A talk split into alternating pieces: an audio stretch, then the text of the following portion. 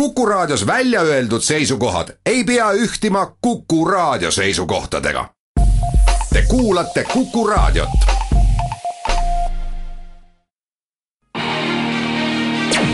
äripäev eetris. tere kuulama saadet Äripäev eetris, täna Kuku raadio stuudios Äripäeva ajakirjanikud Marge Väikenurm, Marta Jaakson ja Aivar Undimägi ja soovime kõigile head naistepäeva, kõigile kuulajatele, aga täna meie räägime rohkem sellisest äh, makromajanduse ja majanduskeskkonna teemadel, räägime ekspordi kidumisest, sellest, et Eesti ettevõtjad ostavad äh, välisfirmadelt ära ettevõtteid ja osalusi Eestis, räägime maksehäireregistrist, äh, kuidas sinna saab ja kuidas sealt välja pääseb, ning äh, räägime ka kolmest maksuideest, mis on välja pakutud, aga mille üle poliitikud ja ka äriliidrid ei taha väga palju debateerida. äripäev eetris. alu-, alustame ka tänasest kaaneloost, Äripäeva kaaneloost ja räägime ekspordist, kolm viimast aastat on Eesti eksport äh, vähenenud äh, ja kui seda lugu lugeda, siis äh, analüütikud, kohalikud analüütikud on, on seda meelt, et väga äh, positiivseid numbreid me ei näe ka sellel aastal ja, ja võib-olla lähitulevikus, et sellist kuldaega enam tagasi ei tule. no eks see olukord on ju tegelikult väga suuresti mõjutatud sellest, mis toimub maailmas, et kui äh, nii-öelda sõjategevus ja, ja kõik muu mõjutab seda eksporti täpselt samamoodi, et siis kui äh, piimatooteid enam eksportida ei saanud, siis äh, minu arust hakati roh-, aina rohkem rääkima sellest, et eksporti, eksport langeb. jah, et üks äh, nagu mõjur, mis on selles tänases artiklis välja toodud, äh, puudutab Venemaad, et et Venemaal on ekspordimahud kukkunud, Eesti ettevõtjatel ei ole võimalik sinna enam nii palju müüa kui, kui aastaid tagasi. Ja, ja teisalt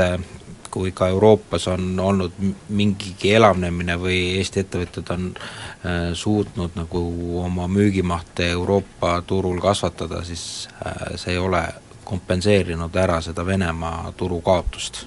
no Vene idaturg on väga suur ja mulle tundub, et kui äh, tuua võib-olla isegi näidetena, et see turg käitub täiesti ettearvamatult, siis ka äh, tänu nendele sõjategevustele siis Marge viimane lugu, mis oli kosmeetikatöösturist, nagu näitab võib-olla selgelt seda, et ka Vene ärimehed leiavad võimalusi, kuidas seda turgu äh, hoida teisiti, et äh, siin oli äh, Natura Siberica, kes seoses sõjategevusega Ukrainas leidis Eesti turu omale. samas on jällegi teisi häid näiteid ka meie ettevõtete puhul, et kui me kirjutasime hiljuti äh, veebruari lõpus äh, eksportivatest gasellidest. et äh, kes on siiski suutnud äh, suurettevõtetele isegi eksportimises silmad ette teha, et näiteks edukamad eksportivad gasellid mahuvad tuhande suurima eksportija seas esiveerandisse. et sealt võib näitena näiteks välja tuua Wisefabi ettevõte, millest võib-olla keegi eriti kuulnud ei ole, et nad äh, toodavad äh, võidusõiduautodele vedrustuse osasid, selle omanik Ardo Kalda alustas lihtsalt enda vajadusest äh, sellega ja nüüd on nad jõudnud Ameerika turule, nad proovivad saada ka Jaapanisse. Ja nende käive juba ulatub tõenäoliselt sellel aastal miljonini.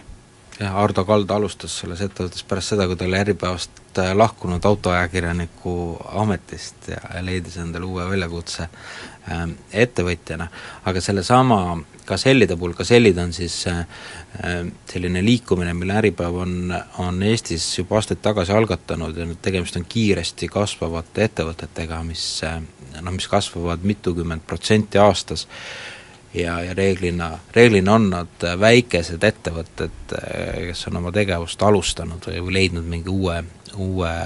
valdkonna või, või turu, aga see probleem, mis sellest loost ka välja tuli, oli ikkagi selles, et et nende osakaal kokku, et nad küll võivad, mõned nendest olla seal viiesaja suurema äh, eksportööri hulgas, aga kui vaadata, palju on siis nende väikefirmade või kiiresti kasvavate ettevõtete osakaal kogu ekspordis, see jääb seal kolme protsendi äh, ligidale, et see oli kahe tuhande neljateistkümnenda aasta andmetel, et äh, et võib-olla see protsent on nüüd suurem, kuna eelmisel aastal ekspordimaht oli, oli väiksem, üksteist koma, koma kuus Äh,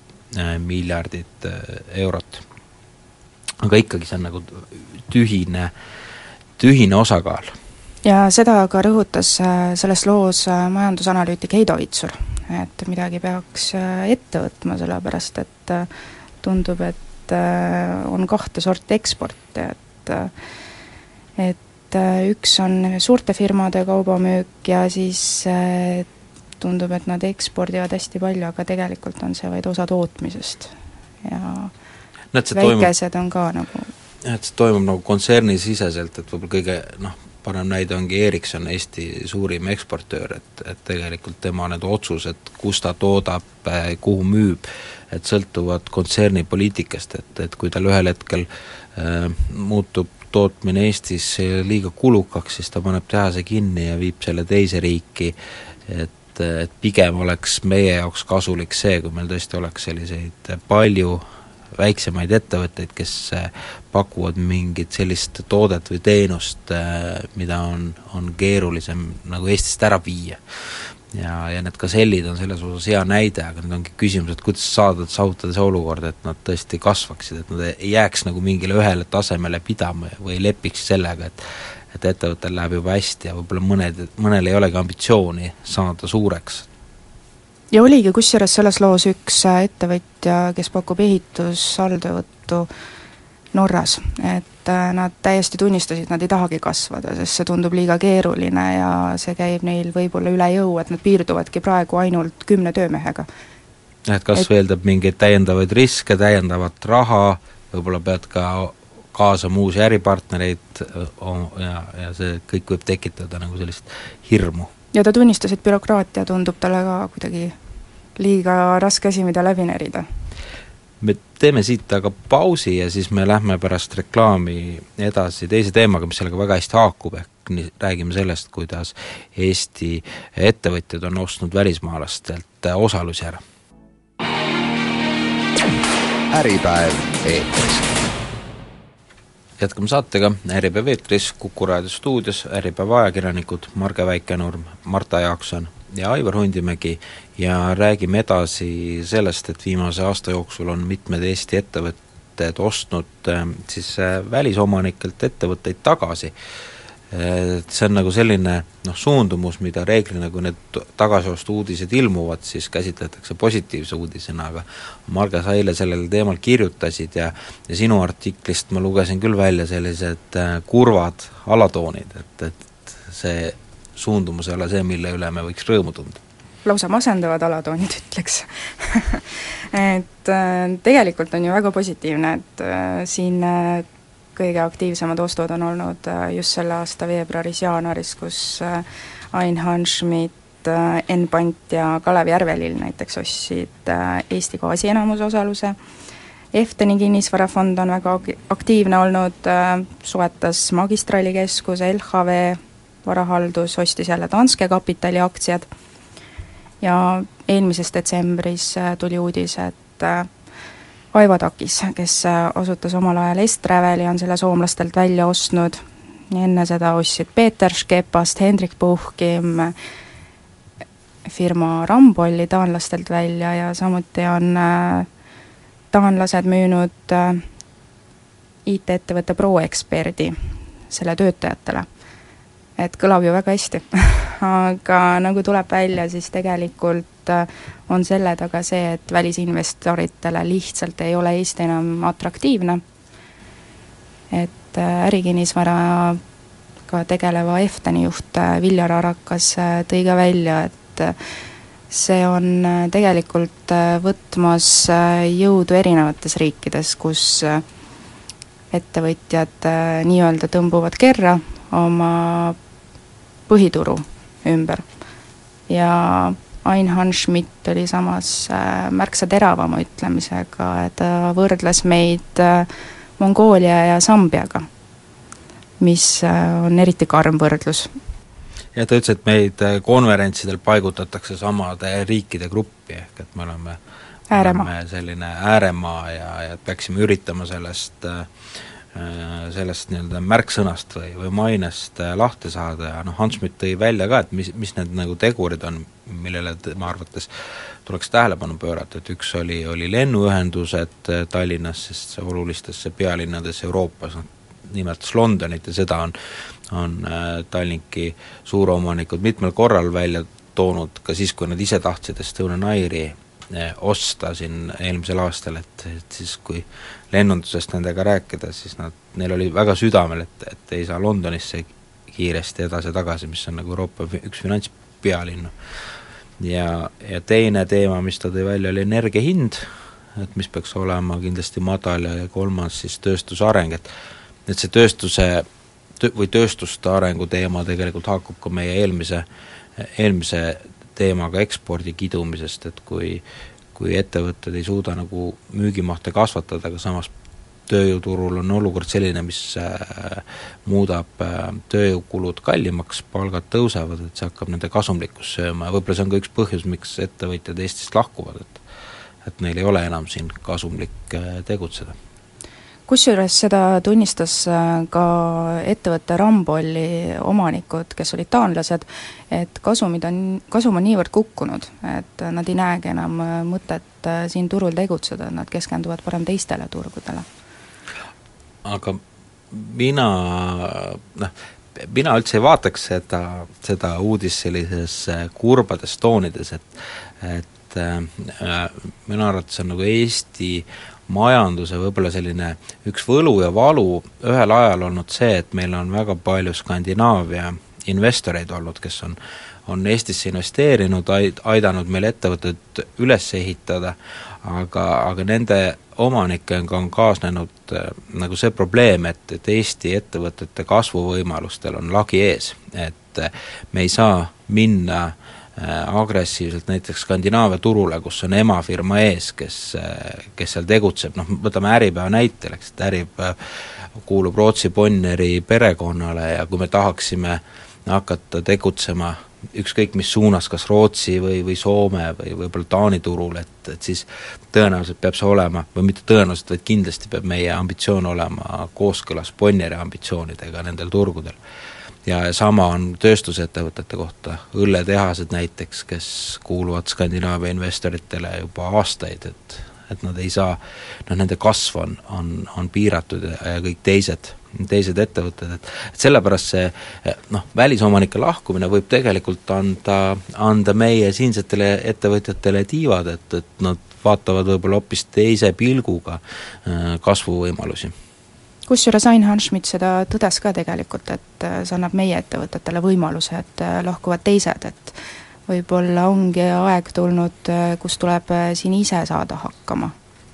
Minna siis ostma, ostma nagu teisi ettevõtteid teistes äh, lähipiirkondades, et me hiljuti kirjutasime vabariigi aastapäeva aegu Äripäevas ka ühe loo sellest, kuidas praegu on hea soodne aeg osta Soome ettevõtteid, et, et Soome mm, majandus ka ei kasva ja, ja ettevõtjatel on seal äh, paljudel tekkinud probleemid, et et eestlased võiks seda võimalust ära kasutada ja minna ja võtta siis soomlased üle, mitte mõelda, et äkki me teeme neile mõnda allhanget või, või proovime nagu kuidagi koostööd teha.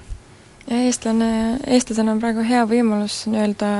väikevenna seisusest välja astuda ja ja ise oma tegude eest vastutama hakata, et, et selle alla võib ju, võikski kuuluda see, et et oma asja tehakse võib-olla ka südamega rohkem, et, et mis sa ikka Skandinaavia suurvennale nii palju pühendad, et jah, et siin on seesama Tallink hea näide, kes tegelikult omal ajal Silja ära ostis ja, ja Läänemere valitsejaks sai, et, et nüüd võib-olla ütleme, kui osteti Eesti Gaasi osalus ära Fortumilt, et siis äh, nüüd järgmine samm võiks võib-olla olla, et see energiafirma, mis nüüd eestlastele kuulub ja üles ehitatakse Eesti gaasi põhjal, et, et ta hoopis võiks laieneda ka Soome lahe põhjakaldal, et ta ei pea ainult Eestis, Eestis tegutsema, et meil on veel näiteid, siin on katused tootmisega tegelev toode, kes ostis ühe ühe konkurendi Soomes ära aastaid tagasi just selle eesmärgiga, et, et ettevõtet kasvatada ja, ja maagi lihatööstus ostis ära vist Soome suur, suuruselt neljanda lihatööstuse, nii et neid näiteid on, aga neid võiks olla rohkem. et ei ole, ütleme, et ühelt poolt jah, kurb, et, et välisinvestorid lahkuvad ja näevad asju sellisesse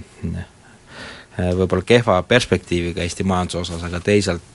kui et eestlased saavad ise omanikeks, siis see sunnib neid pingutama teisalt jällegi oli huvitav see, et kui LHV asutaja Rain Lõhmus, kes on äh, peagi kümme aastat elanud Šveitsis, äh, tõi välja konkreetsed äh, numbrid, mis talle on nüüd statistikas silma jäänud,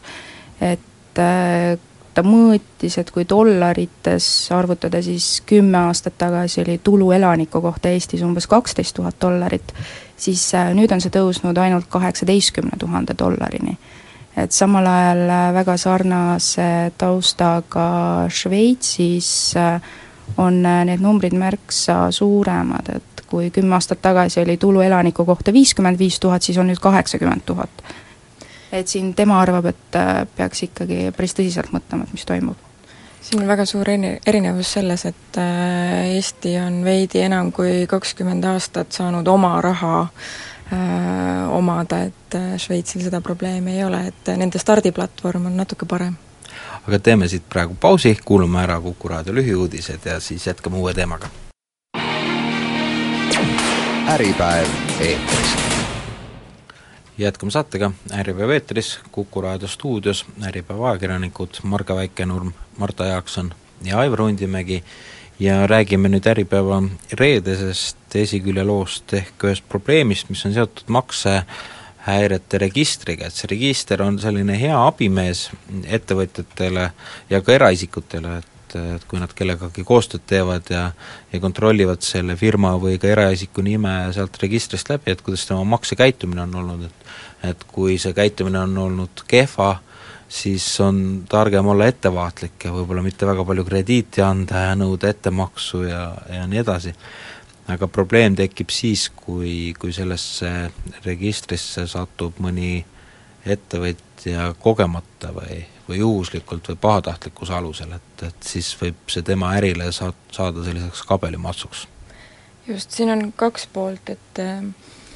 et kui alustada sellest, et äh, tõesti see maksehäireregister annab nii olulist infot, mida ettevõtjad, pangad, äh, kõik, kes annavad krediiti äh, või pakuvad sideteenuseid, kasutavad, et see probleem siin on selles, et need registrid on manipuleeritavad. ühest küljest siis selles osas, et kui inimestel on omavahel mingi vaidlus, siis äh, piisab sellest, et sa oled sellele, selle registri lepinguline klient, sa paned selle vaidluse raames võla ülesse ja tegelikult äh, krediid, äh, krediidiinfo ei kontrolli, kas see võlg on, on ka õige, et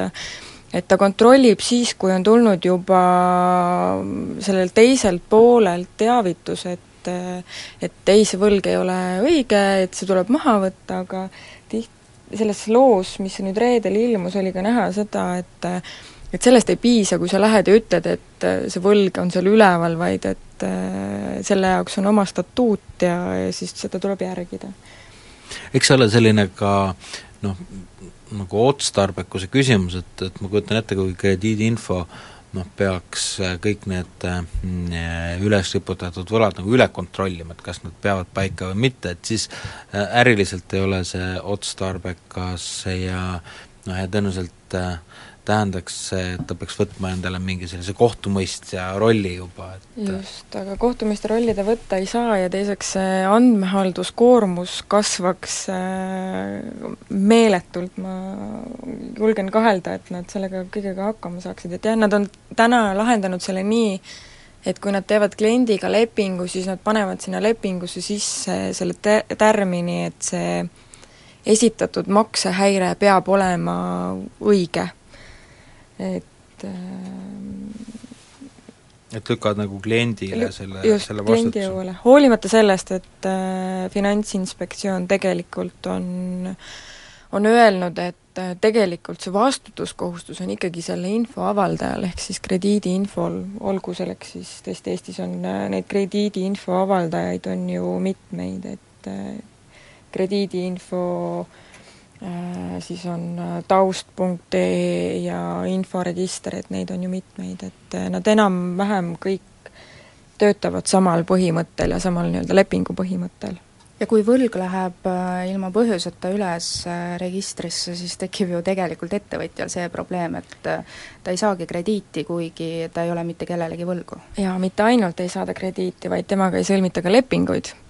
ja selle jaoks, et äh, teda sealt maksehäireregistrist maha saada, selle jaoks äh, peab hakkama tema äh, tegutsema, punnitama, teinekord ka võib-olla isegi ka kasutama advokaadi abi tegema, ehk siis lisakulutusi selle jaoks, et seda valehäiret maha saada. ja sinu,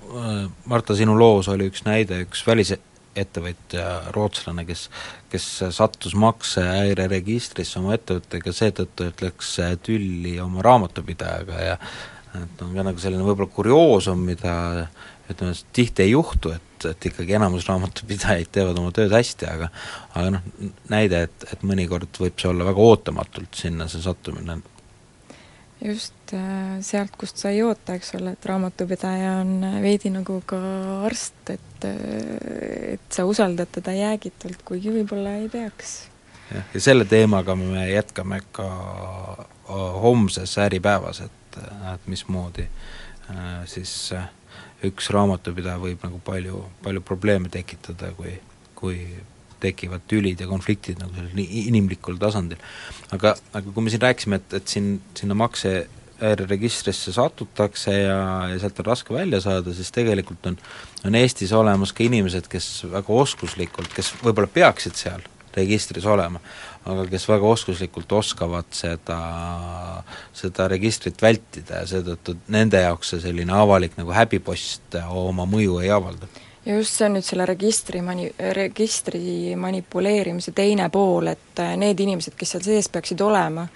ja kellest võib-olla avalikkust peaks teavitama, et ärge nendega koostööd tehke, need on äh kasutavad vaid-, vaidlusi. Ja see vaidlus käib üsna lihtsalt, selle jaoks ei olegi vaja mingisuguseid äh, suuri seaduspügalaid tunda, vaid äh, minu loos üks ähm, Äh, markantne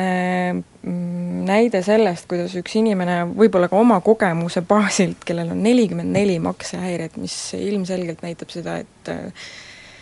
et no mina temaga igal juhul äh,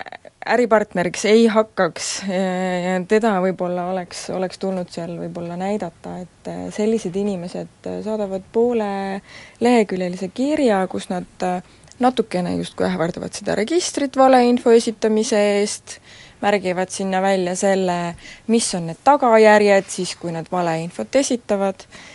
ja selle, et, ähm, et seda häiret ei tohi avalikustada. ja krediidiinfo registritel tegelikult ongi see, et kui see maksehäire on vaidlustatud, kui ta on korrektselt vaidlustatud, siis teda ei tohi avaldada ja nii jääbki tegelikult äh, krediidiandjatel oluline info saamata. Et siin võib-olla oluline ongi selle, seetõttu, et mitte ainult äh, piirduda selle maksehäirete registri teema, teemaga ja sealt otsida inimesi, vaid ka guugeldada ja vaadata, mis nende kohta on kirjutatud, et see inimene, kellele sa viitad, on on siis Artur Fjodorov, kes oli ühe äh, nüüdseks juba vist võib öelda pankrotistunud ettevõtte E ja G omanik ja juht ja, ja ta, tal jäi siis, on temast on üles jäänud vist viis miljonit on, on kokku Just. võlgasid. Et tema on nagu selline näide, kes on nii-öelda sarivaidleja, kes ma saan aru, seal registris ei ole, aga kes on veel astunud sammu edasi ja, ja nüüd äh, loonud sellise nõustamisfirma, mis aitab inimesi inkassofirmadega vaidlustes. just, ta on äh, võib-olla meiega sellide eeskujul loonud äh, sellise ettevõtmise nii-öelda oma kogemusest, oma huvidest lähtuvalt äh, jagab ta siis nendele, kes tahavad vaielda ja kes üritavad häbipostist pääseda, nõu, kuidas seda teha aga, aga krediidi inforegistrid ise märkisid seda, mille ma panen ka võib-olla siis neile ettevõtjatele südame peale, kes soovivad kellegagi koostööd teha, et kui te kellelegi, kellegagi koostööd tahate teha, et vaadake natuke kaugemale, vaadake, kes on see juhatuse liige ja vaadake tema teisi ärisid ka, et, et siis on see pilt natukene selgem. ja Artur Fjodorovi puhul jah, et ähm, tema puhul ta ongi tõeline kurioosum, sellepärast et kõigi selle neljakümne nelja maksehäire puhul, need seal taga on ju inimesed, seal taga on võlad, ta ei olnud kordagi mitte kuskil registris nii-öelda hoiatuseks või, või siis teistele nii-öelda pane tähele äh, viiteks äh, üleval. Huvitav on äh, Fjodorovi puhul tegelikult see ka, et kui ta oli, jätkuvalt on omanike ringis EAG-s, aga EAG osales väga palju riigihangetel ja ilmselt ongi see kogemus tulnud sealt, et kui sa tahad riigihangetel osaleda, siis sa pead teadma nõkse, kuidas äh, end puhtana hoida. just. nii, aga teeme meie siit äh, praegu jälle reklaamipausi ja siis pärast seda räägime juba kolmest äh, maksuideest, mille on välja pakkunud üks jurist, aga need ideed on sellised, millega ei taha Äh, meie poliitiline eliit ja ka ärieliit väga haakuda. äripäev eetris. jätkame saatega, Äripäev eetris, Kuku raadio stuudios, Äripäeva ajakirjanikud Marge Väikenurm, Marta Jaakson ja Aivar Hundimägi ja räägime nüüd kolmest äh, maksuideest, mille pakkus välja advokaadibüroo Raidla Ellex äh, nõunik Tõnis Vahesaar ja neid, nendest ideedest sa tegid, Marge, siin veebruari viimasel päeval äh, kokkuvõtte, veebruari viimasel päeval ilmunud Äripäevas, aga korda üle, et mis need kolm ideed on ja, ja mis on siis äh, ütleme, oponentide argumendid, et miks neid ideid ei saa realiseerida? Tõnis Vahesaar äh, maksukonsultandina tõi välja, et esimene ettepanek võiks olla see, et tulumaksusüsteem tehtaks valikuliseks ehk siis äh, see tähendaks seda, et peale praegu kehtiva edasi lükatud äh, tulumaksukohustusega süsteemi saaks ettevõtja tegelikult valida ka, valida juurde ka klassikalise süsteemi. et siis igal aastal maksaks kasumilt tulumaksu, aga see tulumaks oleks lihtsalt äh, väiksema tulumaksumääraga mm. -hmm. et siis juba olenemata sellest, et kas ettevõtja jaotab kasumit või mitte ja ettevõtja juba otsustaks ka, et kas maksta neliteist protsenti tulumaksu teeninud kasumilt igal aastal või siis kakskümmend protsenti hetkel, mil omanik juba soovib kasumit välja võtta. et niimoodi tema meelest võidaksid ettevõtjad, kes on aastatega ettevõtte üles ehitanud ning kasumlikuks muutnud. Vahesaar muidugi ütles neid ettepanekuid tehes välja ka selle, et tegelikult äh, ettepanekud, millega välja tullakse, neisse suhtutakse kuidagi üleolevalt ja kohe on kuulda emotsionaalseid äh, vastulauseid, halvakspanu, ja tegelikult ega ettevõtjatele eriti huvi ei pakkunudki see, et äh, milliseid ettepanekuid Vahesaar tegi. Või õigemini öelda, et võib-olla pakkus ka, aga nad ei tahtnud või ei julgenud eriti nende kohta sõna võtta või arvata avalikult jah, võib-olla põhjus on ka selles, et see on nagu selline uus teema, et ma arvan, et ettevõtjatel on arvamus olemas, kui küsida, et kas äh, kas eelistada praegust äh, investeeringute tulumaksuvabastust või siis äh, seda nii-öelda traditsioonilist tulumaksusüsteemi, et kus on igal aastal maksustatud ettevõtte kasum, mitte ainult siis, kui ta firmast välja võetakse, nagu meil praegu on et siis on see seisukoht olemas, aga, aga kui on küsimus, et teeks sellise vahepealse süsteemi, et see mõte on, on võib-olla liiga uus, et, et seda noh, ettevõtjad oleksid valmis kommenteerima nii-öelda kiirelt, kiiresti ja, ja jooksujalu, et, et võib-olla nad tahavad ka sellist süveneda. jah, oma peas natuke selle üle debateerida, aga sinu artiklist ma saan aru, et et poliitikud kindlasti seda ideed ei toeta, et sealt sellist toetust see esimene idee vähemalt ei pälvinud jaa, et näiteks rahandusminister äh, Sven Sesteril äh, polnud see idee päris uus, et äh, kahe süsteemi nii-öelda paralleelne kasutamine oleks tema hinnangul kulukas ja paneks riigile topeltkoormuse näiteks. ja alternatiivina tema meelest võiks kaaluda hoopis madalama maksumäära kehtestamist. ütleme just tihti kasumit jaotavatele ettevõtetele. Et äh, ettevõtlusminister Liisa Oviir tõi välja, et tema meelest oleks aga raske prognoosida riigieelarve laekumist sel juhul. mis on ka tegelikult päris pädev välja tuua tema poolt. samas oli teine advokaat, Priit Raudsepp, kes seda teemat kommenteeris ka noh, maksu, maksuteemadel nii-öelda pädev on ja, ja sellega igapäevaselt tegeleb, siis tema ütles, et, et seda ideed tasuks kaaluda, et, et see noh, oleks selles mõttes hea idee, et ta ei kaotaks ära meie praegust süsteemi, aga annaks, annaks siis ettevõtjatele paindlikkuse, et, et noh, tema hindab seda praegust võimalust ja ütleb, et Eesti eristub selle praeguse ettevõtete maksustamise põhimõtetega teistest riikidest aga lähme teise ettepaneku juurde ja see teine ettepanek, mille siis äh, Tõnis Vahesaar tegi, oli, et kehtestada astmeline tulumaksu miinimum, et et ma saan aru, et, et selle ettepaneku eesmärk on, on noh, jätta rohkem kätte äh, raha vaesematele inimestele. jaa, et sel juhul oleks Eestis siis äh, kahekordset ütleme, keskmist palka teeniva inimese tulumaksuvaba miinimum poole võrra väiksem umbes äh, kakskümmend eurot, et muudatus äh, poleks Vahesaare sõnul just olemuslikult võrdsustatav astmelise tulumaksuga tegelikult, et ta rõhutas seda, et see ei koorma kõrgema palgatuluga inimest. jah, et kui astmeline tulumaks, see, mis meile on, on räägitud, tähendab seda, et et võtta rohkem ära nendelt, kes rohkem teenivad, siis, siis ütleme, selle muudat-, noh seda saaks ka käsitleda tõenäoliselt astmelisena, aga aga selle muudatuse eesmärk oli, oli pigem jätta nagu rohkem kätte neile, kes vähem teenivad. no samas jällegi Sven Sester ja Liisa Oviir arvavad, et äh, tänavu kehtima hakanud madalapalgaliste maksutagastusel on täpselt sama eesmärk. jah, ta on selles mõttes, tundub sarnane, küsimus on lihtsalt, et kas see on, on üldse mõistlik äh, nagu seal alumises otsas äh, neid astmeid äh, tekitada aga kolmas teema oli, mille Tõnis Vahesaar välja pakkus, oli, et muuta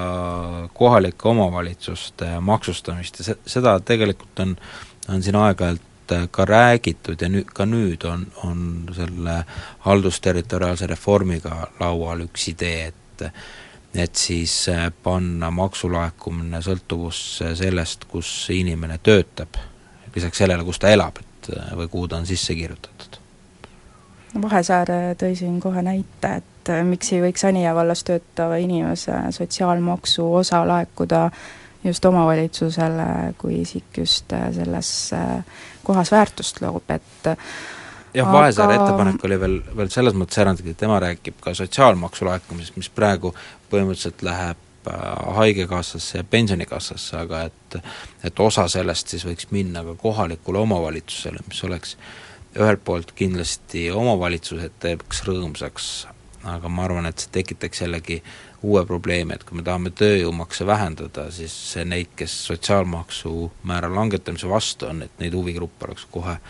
juures omavalitsuste näol. siin tõi Liisa Oviir välja ka selle, et äh, sellel juhul oleksid paremas olukorras just äh, rikkamad piirkonnad, äh, just Tallinn ja Tartu, mis tegelikult kogu riigi mõistes võib-olla ei oleks kõige parem lahendus, et ääremaastumist oleks võib-olla rohkemgi. aga mis sa ise, ma, Marga, arvad, et, et kas üldse peaks äh, midagi muutma või, või sel teemal äh, äh, vaidlema, arutlema või, või mitte, et Eesti on ju tegelikult nii väike äh, riik, et et noh, meil siin väga, kui hakkame piirkondlikke eeliseid tegema näiteks, et siis see võib-olla ei pruugi hästi töötada üks näide on ju see, et äh, Ida-Viru poolel tahetakse ka ju teha erisusi teatud ettevõtjatele. jaa, tahetakse, me et, äh, sellest kirjutasime, et et Äripäevas ainult juhtkirjaliselt me seda mõtet ei toetanud, mis nüüd valitsus välja käis, et me nüüd, saade saab läbi, me ei jõua sel teemal siin edasi arutleda, aga aga jah, et eelmisel nädalal äh, valitsus käis korraks Ida-Virumaal ja ja siis tuldi välja sellise äh, abimeetmetega, mis siis äh, annaks leevendust osadele ettevõtjatele, kui nad teatud tingimustel töökohti Ida-Virumaale loovad, aga Äripäev ütles, et, et see tekitab ainult juurde ebaõiglust ja, ja siin võib-olla kui keegi tahab Äripäeva argumentatsioone lugeda, et kui ülejäänud meedia aplodeeris valitsusele, siis meie viibutasime näppu ja ma soovitan reedel selle juhtkirja üles otsida kas veebist või lehest ja, ja läbi lugeda mulle meeldis tegelikult, et Tõnis Vahesaar tõi välja selle, et kui tehakse ettepanekuid, siis need saavad väga vähest tähelepanu või neid ei võeta tõsiselt, et äh, tegelikult on hea, et äh, ettevõtjad, juristid, äh, maksueksperdid räägivad, mis võiks olla paremini ja mis mitte ja võib-olla seda debatti võiks rohkem olla. aga sellega meie täna lõpetame, oleme kuuldel jälle nädala pärast, kõike head! Äripäev eetris